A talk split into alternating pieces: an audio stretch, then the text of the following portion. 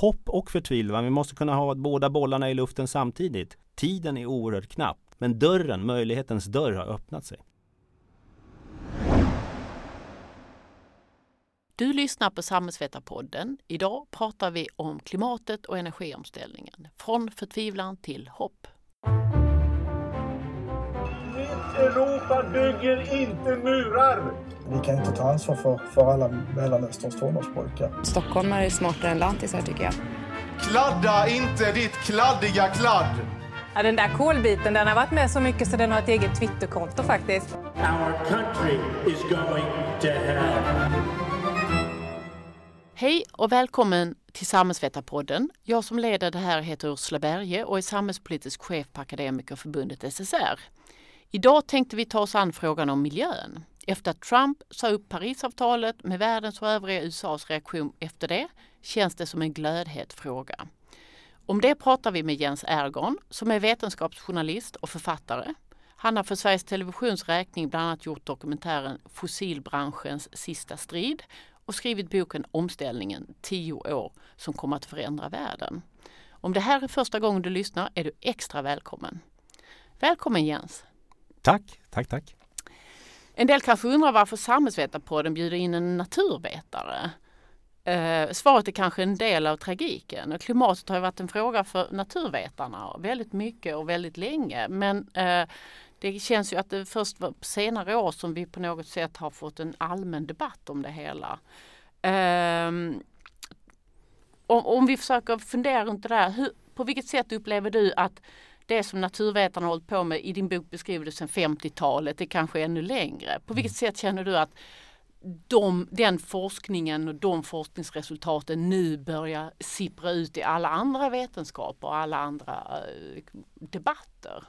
Oj, Eh, hörru du, eh, ja, man, ska, man ska dra tidslinan så är det väl i, egentligen så att, att eh, klimatfrågan så att säga från att vara någonting som var internt naturvetenskapligt eh, på 70-80-talet började sippra ut och sen egentligen någonstans på slutet av 80-talet eh, 90 någonstans runt där eh, slog igenom i, i liksom på den politiska scenen. Det, det, var då det lyftes upp till FN-nivå och FN-förhandlingarna började.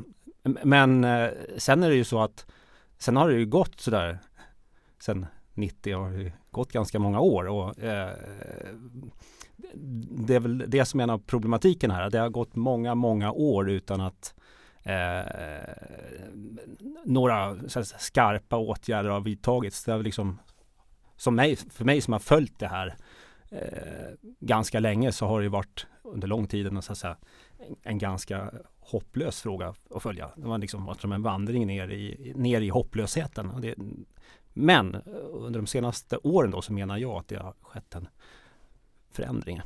Mm.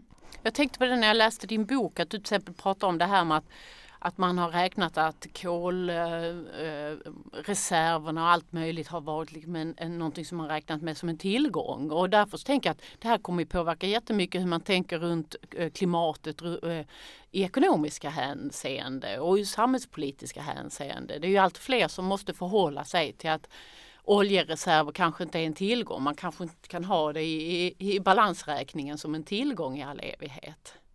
Nej, alltså det, här är ju det, nu är vi verkligen inne på någonting som har börjat skifta de allra senaste åren. Alltså det, det här är liksom en del av det, det då. Och, och, och, och, från början så var, fanns det, ja, par år, eller säga, sex, sju år sedan så, så lyftes konceptet eh, kolbubbla, alltså att det, det, det, finns, det finns så många gånger fler, eh, mer eh, fossila tillgångar nere i marken, alltså som, som bolag och även stater har liksom registrerat som man kan ta upp kol, olja, gas än, skulle man bränna allt det så skulle man liksom bränna alla klimatmål eh, flera gånger om.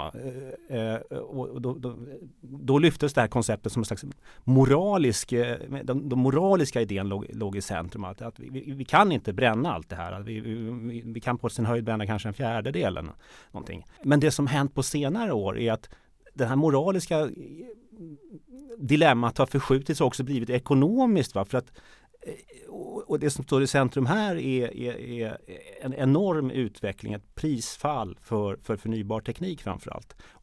plus politik. Eh, eh som, som har, har, gjort att, att, så att säga, utsikterna för att, för att de här, den här, hela den här enorma mängden fossila bränslen ska, ska, ska nyttjas har, har minskat dramatiskt. Va? Mm. Eh, alltså jag tänker, jag hörde Johan Rockström på ett forskningsseminarium som gällde alla möjliga forskningsdiscipliner. Han sa just det att att det är extremt viktigt att många delar av forskningssamhället på något sätt fokuserar på de här frågorna nu och då också både samhällsvetenskap och ekonomi och så vidare. och så vidare. Och att det, som samhällsvetare känns det ju som någonting som man borde gjort för länge sedan om man ska vara lite krass. Och eh, det, det, kan man ju verkligen hålla med om. Alltså det, det, det har varit en, en, en, fråga för naturvetare eh, i, i, decennier så att säga. Eh, ekonomer kom väl in i det ganska tidigt på 90-talet. Eh, men liksom under många decennier, eh, från, från början när det här lyftes upp i, hög, i, i, liksom i politikens centrum och FN så, så fanns det någon slags idé va, att man en hoppfull idé var eh, att eh, eh, man skapade FNs klimatpanel där skulle for, naturvetarna, forskarna liksom inte bara naturvetarna, men forskarna skulle, skulle ge bilden av det här och så skulle de informera allmänhet och politikerna skulle politikerna agera och så skulle man i FN komma fram till en, en rationell och, och, och, rättvis plan för hur det här skulle lösas. Va?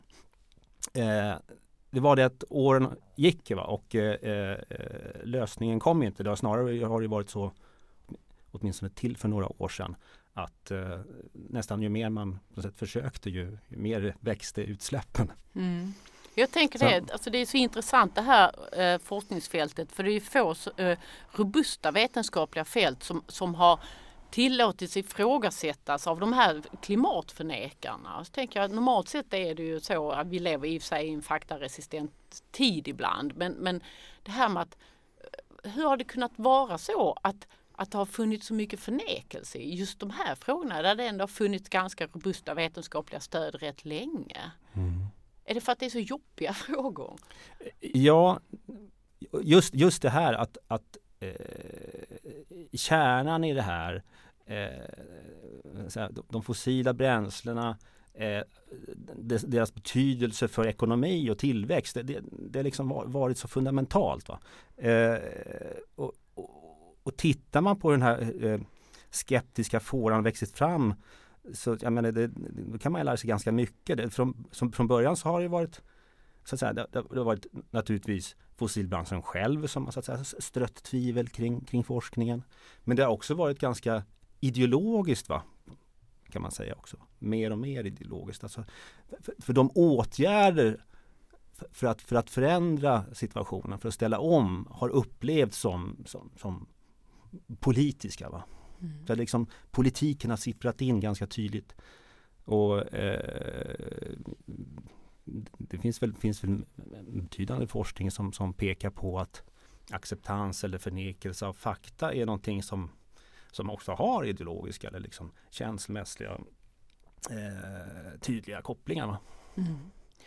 Jag tänkte, eh, klimatfrågan har ju många olika delar. och Orsakerna till klimatproblemet är flera. Varför har du valt att fokusera i denna boken och också i, i dokumentär så tydligt på just energiproduktionen i klimatfrågan?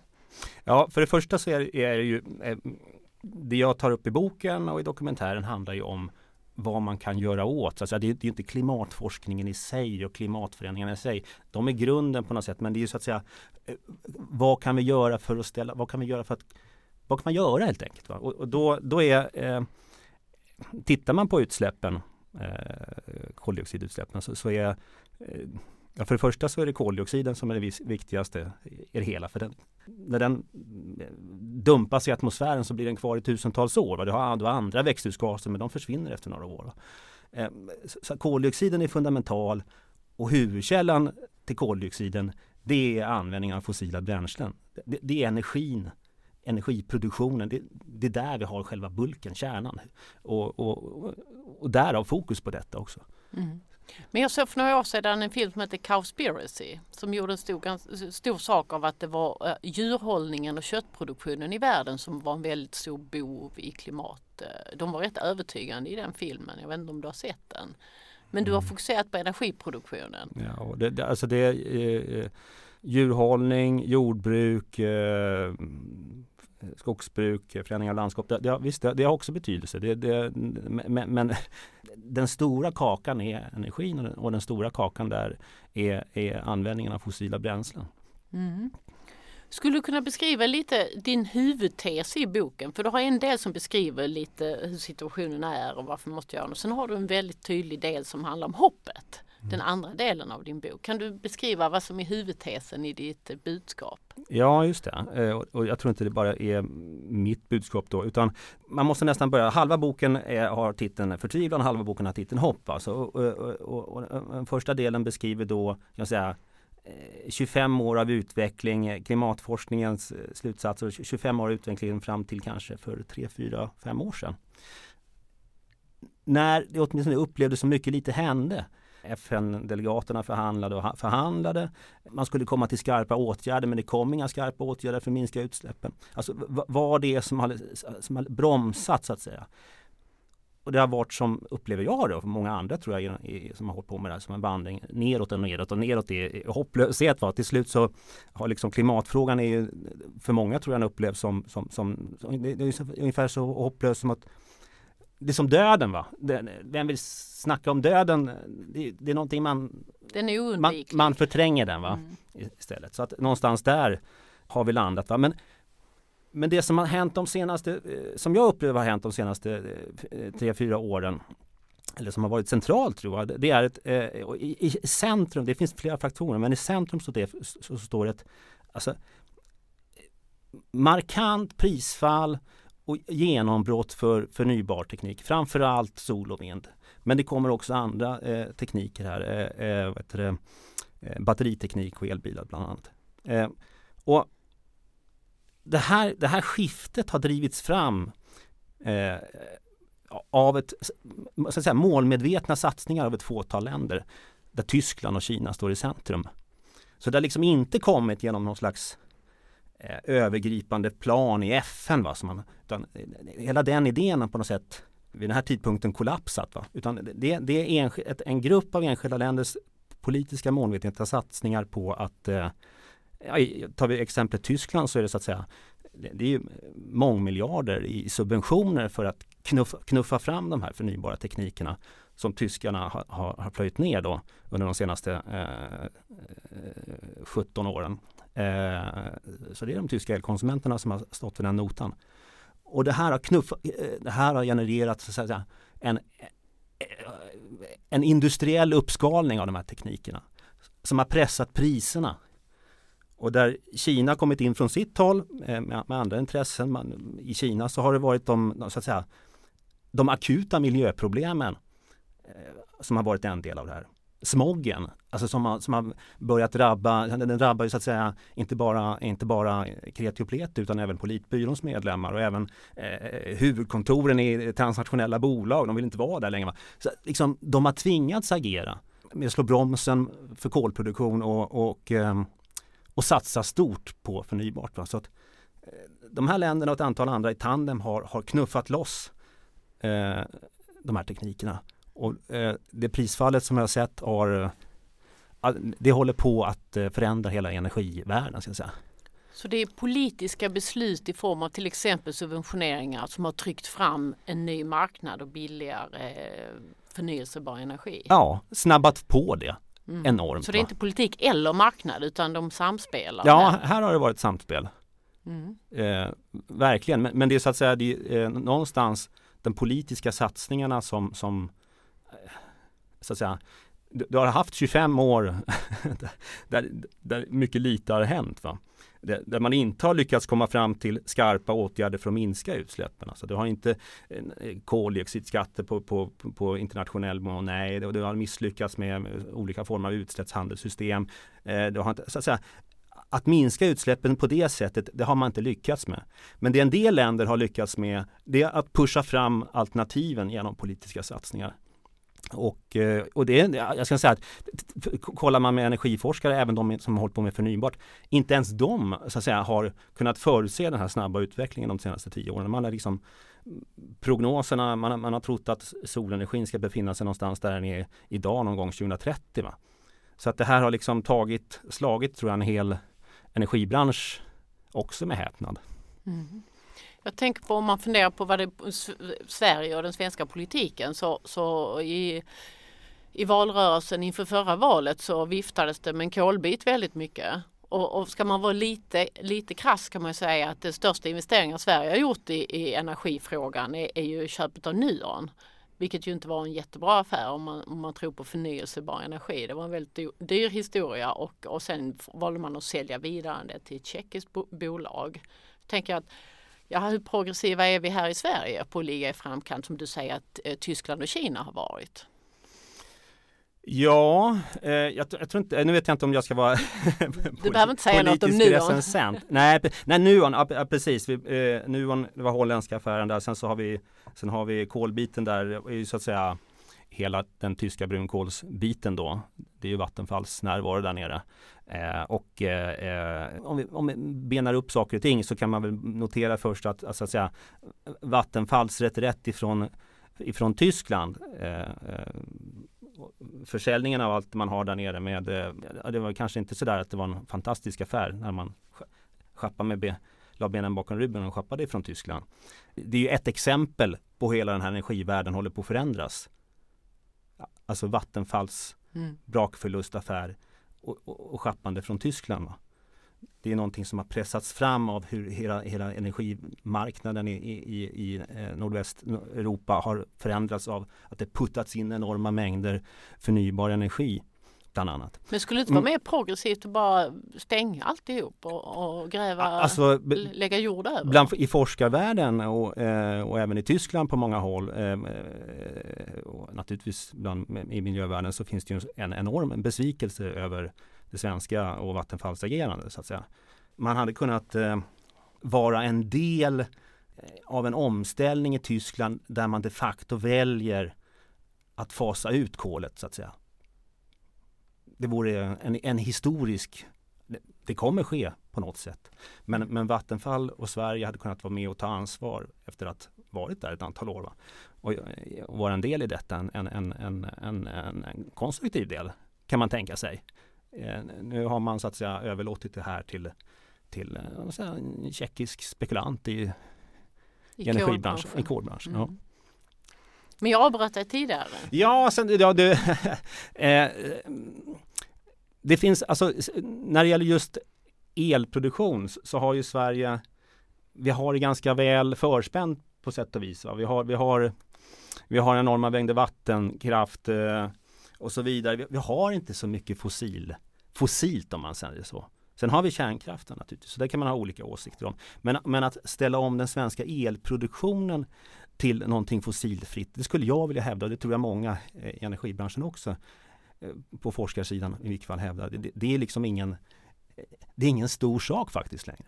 Eh, däremot det som, det som är, är den svenska utmaningen tror jag eh, om man tittar, det är ju så att säga att ställa om de övriga sektorerna transporter, industri och i viss mån konsumtion då, privatkonsumtion. Alltså det, det, transporter, industri va? framför allt. Och där skulle man kunna lära av, av, av dra, dra lärdom av det som har skett hittills. Dra lärdom av vad, vad är det som har lyckats kan, kan vi lära oss någonting av de här 25 åren av misslyckande och de senaste åren av en ganska häpnadsväckande vändning? Va? Kan vi, kan man upprepa det här? Kan man forcera fram en snabb omställning på, genom att dra lärdom av detta? Det, det, är väl, det är väl liksom det jag hoppas man ska kunna läsa den här boken handlar inte om den svenska omställningen, men man borde kunna dra lärdomar av det som har de framgångarna och, och de enorma misslyckandena mm. de senaste decennierna. I din beskrivning får, får, man ju känslan av att det är enskilda nationalstaters beslut mer än vad det är de stora klimatavtalen som, som har banat väg för den beskrivning du mm. gör här med att politiken har tryckt fram eh, marknaden och fått ner priserna och så vidare. Men eh, Paris och klimatavtalet och när eh, Donald Trump stod på Vita husets mm. trappa mm. och, och sa att de skulle lämna eh, Parisavtalet. Vad tänkte du då när du hörde det? Ja, alltså eh, jag tänker så här. Min, min, bild av Paris, det är så att säga, för tar man Paris, det, det, var 2015, va? sex år innan så hade vi Köpenhamn, hela det här idén om, ett, om en global rationell, rättvis plan kollapsade. Va? Hur kommer det sig att man sex år senare i Paris står och jublar och håller varandras händer? Och då menar jag att den, centrala, den ena centrala förändringen där som, som, som möjliggjorde Paris, det var just att omställningen hade börjat framstå som möjlig. Och i centrum för det så finns det här prisfallet. Att, att det faktiskt, och, och, och att de här länderna agerade. Eh, liksom att det var möjligt, att det har blivit möjligt plötsligt. En dörr öppnar sig för att det blivit ekonomiskt rationellt. Eh, eh, finansbranschen har börjat förflytta sig, va? börjat överge eh, kolet framför allt. Eh, så, så liksom, detta var grunden, en av grunderna för Paris. Den andra grunden för Paris det var att man faktiskt hade till stora delar också övergett idén om en så att säga, enhetlig top-down plan. Parisavtalet när man tittar på det, det är, det, det är alla länder som skickar in sig själva vad de kan göra.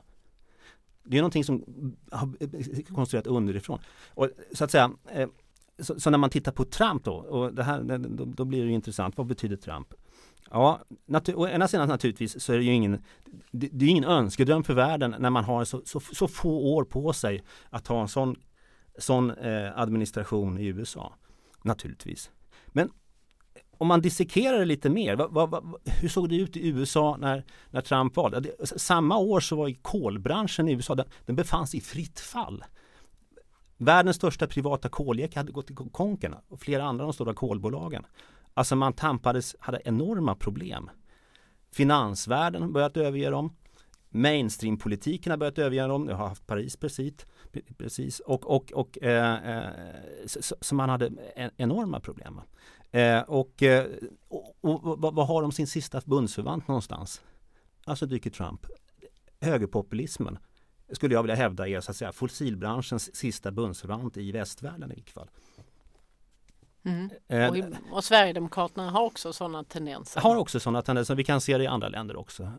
Mm. Eh, så att, så att, så att eh, någonstans har den här rörelsen blivit så att säga skulle jag vilja hävda då, alltså, så att säga en, en, en bransch på fallrepet, deras sista bundsförvant. Och, och, och någonstans så finns det någonstans, det, det är liksom um, ja, hur som helst, vi, vi, när, jag, när, jag, när, jag, när, jag gjort den här, när vi gjorde den här filmen under, under våren här under våren så blev det ju väldigt tydligt för oss att alltså utanför, alltså i delar av USA Dels är USA väldigt splittrat och har delar av USA där förnybarbranschen Kalifornien till exempel går framåt starkt och när man satsar stort på det så liksom, i USA så är det någon slags inbördeskrig i energivärlden. Sen så har i övriga världen eh, så i, i länder som Eh, Kina ångar på. Eh, satsar nu stort efter sol och vind på, på e-, elektrifiera transporterna, elbilar. I, i, I, Indien har eh, solenergi blivit lika billigt som, som kol, alltså ny, som, som man satsar stort på, på, på förnybart där. Eh, vilket är, har enorma konsekvenser. I den oljestinna Mellanöstern så, så är, är, kostnaden för solenergi numera långt under det för att producera el med deras egen olja och gas. Alltså det, den övriga världen och framförallt ska jag säga utanför den, våran gamla industrialiserade värld satsar stort på detta. Mm. Eh, och, och, i energivärlden så tror jag att det finns väldigt få faktiskt som, som tror att Trump har en chans att eh, få tillbaks alla de här jobben till kol, kolgruvarbetarna, rädda kolbranschen. Han kan, han kan dämpa, han kan dämpa ifrån att vara en bransch på, i fritt fall så kan han dämpa det här fallet. Va? Förskjuta det hela ett, ett, en aning. Men, men eh, alltså, om du investerar, alltså det, ett kolkraftverk ska du ju hämta hem pengarna på 40 år. Den här snubben han sitter i fyra år, max. Hoppas vi. Ja, kanske. Ja. Ens om det är åtta år, va? du ska hämta hem det på 40 år. Mm. Vad kommer hända om 40 år? Alltså intresset att investera i, i kol det är inte särskilt stort idag. Mm. Jag tänkte, din bok driver tesen att omställningen kommer väldigt mycket underifrån och det jag reagerade när Trump då eh, sa att han, USA skulle lämna Parisavtalet. Det var alla de här guvernörerna och senatorerna från allsköns olika delar av USA som mm. sa att vi struntar i honom. Som i Kalifornien som, som eh, jag har mycket erfarenhet av. Där, där, men, men vi kommer köra på tre gånger värre liksom, med, med eh, omställningen till förny, förnyelsebar bara på grund av den här människan. Liksom. Ja, nej, nej, men det är sant. Alltså det, det, det finns ju, det, och det, det, Kalifornien är väl generalexemplet. De går ut ganska stenhårt mot Trump här. Men även eh, flera liksom folkrika delstater i öst, New York och så vidare och sen om man dissekerar det mer så är det ju liksom ännu mer kryptiskt. För, ta till exempel Texas, oljestaten Texas med, som, vars, eh, du har Rick Perry därifrån som nu är energiminister va. Vad händer i Texas? Vad har hänt i Texas de senaste, det senaste decenniet? Jo, vindkraften har, har haft en enorm utveckling. Eftersom det har blivit lika billigt som gas, deras egen naturgas, att producera el med vindkraft. Eh, vet Rick Perry mycket väl om.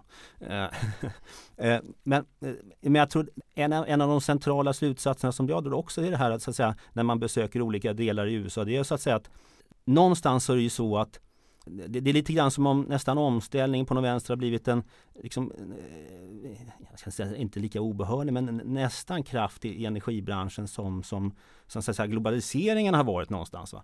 Du har, eh, och, vad, vad, vad innebär detta?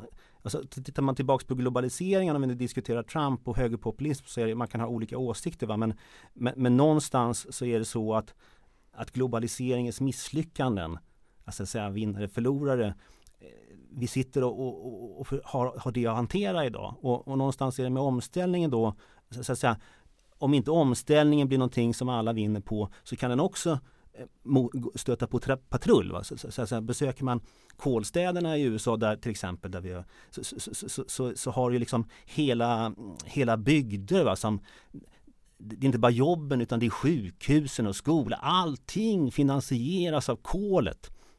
Och har ett så det är inte så konstigt så att säga att Trump kunde harva röster ett år när kolbranschen befann sig i fritt fall. Va? Så någonstans ska man, ska man, ska man lösa den här knuten i, så måste man ju så att säga också lösa knuten eh, för de delarna av USA. Mm. Jag tänker på det, just nu när vi spelar in det här så är ju en jättestor orkan på väg in mot Florida och förra veckan så var det en annan orkan som, som eh, förstörde ganska stora delar av Texas. Harvey och Irma heter ju de här två det här är också klimatfrågor och, och liksom de varma haven påverkar skapandet av orkaner. Kommer detta, alltså ju mer vi ser av detta, kommer detta till exempel att kunna påverka klimatdebatten? Eh, I alla fall i USA eller i Florida och Texas? Alltså, ja, svårt att säga. Eh, jag tror det faktiskt. Däremot så är det så att tittar man bakåt i historien nu här de senaste decennierna så är det ju ändå så tyvärr då att, att, att eh, ja, vi har haft, vi har haft, eh, du hade Norlins och Katrina va? Och det är ju ganska många år sedan. Påverkade det klimatdebatten i USA? Ja det kanske det gjorde men, men vi sitter med Trump. Så att säga. Så att, så att, så att det finns inget, inget per se om vi tittar bakåt som säger att så att säga en, en stor katastrof och sen vaknar alla. Men, men jag misstänker att faktiskt kombination, alltså det som jag tror det som jag hoppas på, liksom ett centralt budskap i den här boken och kanske i filmen också, är så att säga när det visar sig faktiskt möjligt att ställa om. När det, när det visar sig till och med så att det kanske är så att du får mer jobb. Det, det, det kanske det är billigare till och med att producera el på andra sätt till exempel. Alltså, när, när omställningen framstår som möjlig, då tror jag för, liksom, så att den, den förträngning som vi har så att säga, drabbats, lidit av på många, i många lager av, av samhället kanske skingras. Va? Och, och, och då tror jag, det, samtidigt så tror jag det är också lättare att ta in så att säga de, de här jobbiga sidorna och att, att det blir en, en, en knuff att, för att göra någonting. Va? Mm. Så att eh, jag är nog ganska hoppfull för att eh, att, att även, eller hoppfull, jag tror att den här typen av, av problem kommer knuffa saker och ting framåt. Mm. Och det kommer inte bli mindre av, av, av, av den varan. Mm. Men alla de som har befunnit sig i en sån här känsla av apokalypsen att vi är på ja, ruinens brant och det bara kommer gå ut för. Hur ska vi tänka? Hur ska vi befrias? Du har ju befriat dig. Du lever ju på hoppet och, och, och menar att vi måste lämna den här fatalismen. Ja. Men om det någon där ute som, som lyssnar på det här. Vad, hur ska man, hur ska man uh, lyftas? Vad är ditt råd? Oj. ja, mitt råd är att läsa boken Omställningen. nej, men allvarligt talat, nej men jag, jag- ska jag vara seriös va? Så, så att den, den här, alltså jag, jag har ägnat år eh, av att, att eh, följa den här frågan och, och det har varit en Hadesvandring. Och det har varit oerhört deprimerande under många år. Man analyserar varför går det så trögt, vad är det som stoppar, vad är det som hindrar. Men den utvecklingen som vi sett de senaste åren, jag menar att den visar att eh, det går att göra saker och det, det går att göra ganska mycket. Va? Och det går också att göra mycket för gemene man idag dessutom. Va? Jag menar, liksom, det, är ingen, det, är ingen, det är ingen oöverstiglig sak att, att, att själv så att säga sätta soppaneler på huset eller på taket på bostadsrättsföreningen eller köpa in sig i det eller, eller alltså, så att säga, möjligheterna att, att agera, den dörren har öppnats och så att säga när inte allt är omöjligt så, så tror jag då kan man nej, då kan man lättare blicka, blicka mörkret, titta in i mörkret och se vad man ska ta nästa steg. Va? Sen är det självklart, alltså solceller löser inte alls inte allt och inte elbilar heller. Eh, Men kan man ta ett steg så kan man ta flera. Va? Jag tycker det är en, en, en avgörande förändring. Jag hoppas att det, det kan eh, ge ringar på vattnet. Jag tror också att, att det är någonting som kan så att säga hugga i andra saker som, så att säga, som, hugger i tillbaks igen. Men du tycker inte vi ska ha det här mindsetet att jag måste ändra min livsstil. Alltså det här kommer att bli dyrt och jobbigt men jag måste göra det. Utan det är mer så här, det kommer inte bli så dyrt och jobbigt. Utan det kommer... Ja, teknik kan inte lösa allt. Men man, man kan komma en, bi, en, en god bit på vägen med teknik. Eh, livsstilsförändring, minskad konsumtion, absolut. Ja, grejen är, så att säga, jag menar, eh, det, det är ju, en av lärdomarna från de senaste eh, decennierna är just att är ju misslyckandet att sätta ner foten och höja eh, koldioxidskatter eller så att säga eh, ha skarpa åtgärder för att, för att faktiskt minska utsläppen. Så, att- så att säga att klara hela den här biffen, det, det är inte så att, att det som hänt de senaste åren gör att allting är, är grejat utan tiden är oerhört knapp och, och, och ska man greja det eh, då kommer det bli oerhört mycket lättare ifall man också så att säga Anstränger sig. Ja, sätter ner den andra foten också. Va? Mm. Jag, har, jag har ett exempel i boken. Eh, jag vet inte om jag kommer ihåg det exakt nu, men alltså tittar man till exempel på eh, konsumtionen då, den växande konsumtionen här i den rika delen av världen. För det är så att säga, tar man de 10% rikaste i världen då, de 10% största utsläpparna. Om de istället för att så att säga fortsätta den här konsumtionsspiralen under kommande 15 år siktar istället på medelsvenssons nivå vad det gäller utsläpp. Det är inte riktigt stenåldern då vi talar. Då skulle man i, i sig åta, åstadkomma lika stora utsläppsminskningar som, som man skulle kunna göra om man pressar det här förnybara till max på de här kommande 15 åren. Så att säga, och, och, och, lösningen är förmodligen en, en, en kombination. Men, men det, det jag tror är att det är betydligt enklare att få igenom att driva fram så att säga, förändringar i livsstil eller så att säga en hållbar konsumtion, cirkulär ekonomi, kalla det vad du vill. Ifall en, en dörr öppnar sig som visar sig att det faktiskt är möjligt att förändra så, att säga. Och, och den dörren ser jag öppna sig. Hade, hade vi inte haft hade inte det förnybara slagit igenom, hade det bara varit att vi liksom eh, ska, ska mässa så att säga ut i skogen och så att säga överge, det, det är kört liksom. Det, utsikterna för att det skulle eh, nå framgång tror jag är ganska små, eller det är väl det som de senaste decennierna visat egentligen. Mm. Vad skulle du önska dig som skulle öppna den här dörren ännu mer? Alltså om du bara fick önsketänka vad det politiken borde göra eller Oj. vad vi som individer eller vi i facket Ja. skulle göra för att det verkligen skulle gå framåt och bli lättare. Nej men alltså, alltså jag upprepar mig själv men, men det som jag upplever det är att en dörr har öppnats i sista momangen genom den utveckling vi har sett. Och det i en tid när så att säga politiken vrålar efter framtidshopp. Va? Och den här, så att säga, och omställningen det vi ser alltså så börjar man satsa Vågar man investera Vågar man pusha fram de nästa tekniker som kommer att behövas. Alltså, dels, dels trycka i gasen i botten på det vi redan ser funkar nu. Alltså eh, förnybar energi, sol, vind. Eh, men ta nästa steg då. Se till att, att knuffa loss det här inom transportsektorn. Vare sig det handlar om elbilar eller andra tekniker. Va? Eh, satsa hårt där också. Eh, det har ju visat sig vara möjligt. Och se till att göra det också för, för de, de, de, de sektorer som kommer sen, va? industrin. Gör de satsningarna. va Eh, jag menar det här, omställningen, det, det, är ju en, det är en process som kommer löpa över decennier.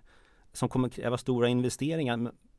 Men som, som visar sig kunna ge, jag menar, det, det, det kan ju ge mer jobb än vad, vad som försvinner i det fossila uppenbarligen. Det finns ju mängder på studier som visar det.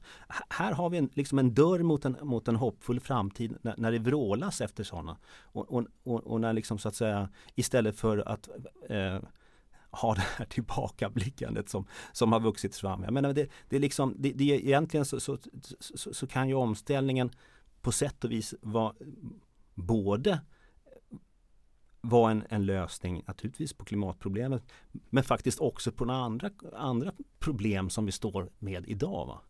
Eh, så att jag, jag, jag har svårt att se varför man inte skulle satsa. Mm. Men om man tänker politiken skulle kunna satsa på infrastrukturen så att vi kan ställa om eh, fordonsindustrin så att det finns tankstationer som man kan ladda sina elbilar och så vidare. Men jag tänker, jag råkar liksom eh, sitta i en bostadsrättsföreningsstyrelse så tänker jag, ska jag tänka solceller på mitt, mina tak på, på, i min bostadsrättsförening? Ska, ska vi liksom på något sätt gräva där vi står oavsett var vi står? Ja, absolut. Alltså, jag menar, eh, varför inte? Eh, du kan sänka din elräkning. Men jag, jag, det jag tror också är en lärdom från de senaste decennierna är att vi ska akta oss för att individualisera det här problemet.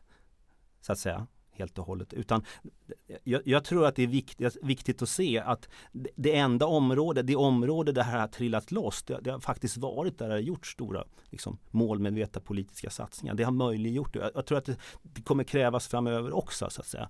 Politiken behövs för att göra omställningen möjlig och, och framförallt i den takt som krävs. Mm. Så den här energivände som gjordes i Tyskland med, med, hjälp av politiken som tryckte fram den här eh, marknaden som, som, som förbilligade det hela.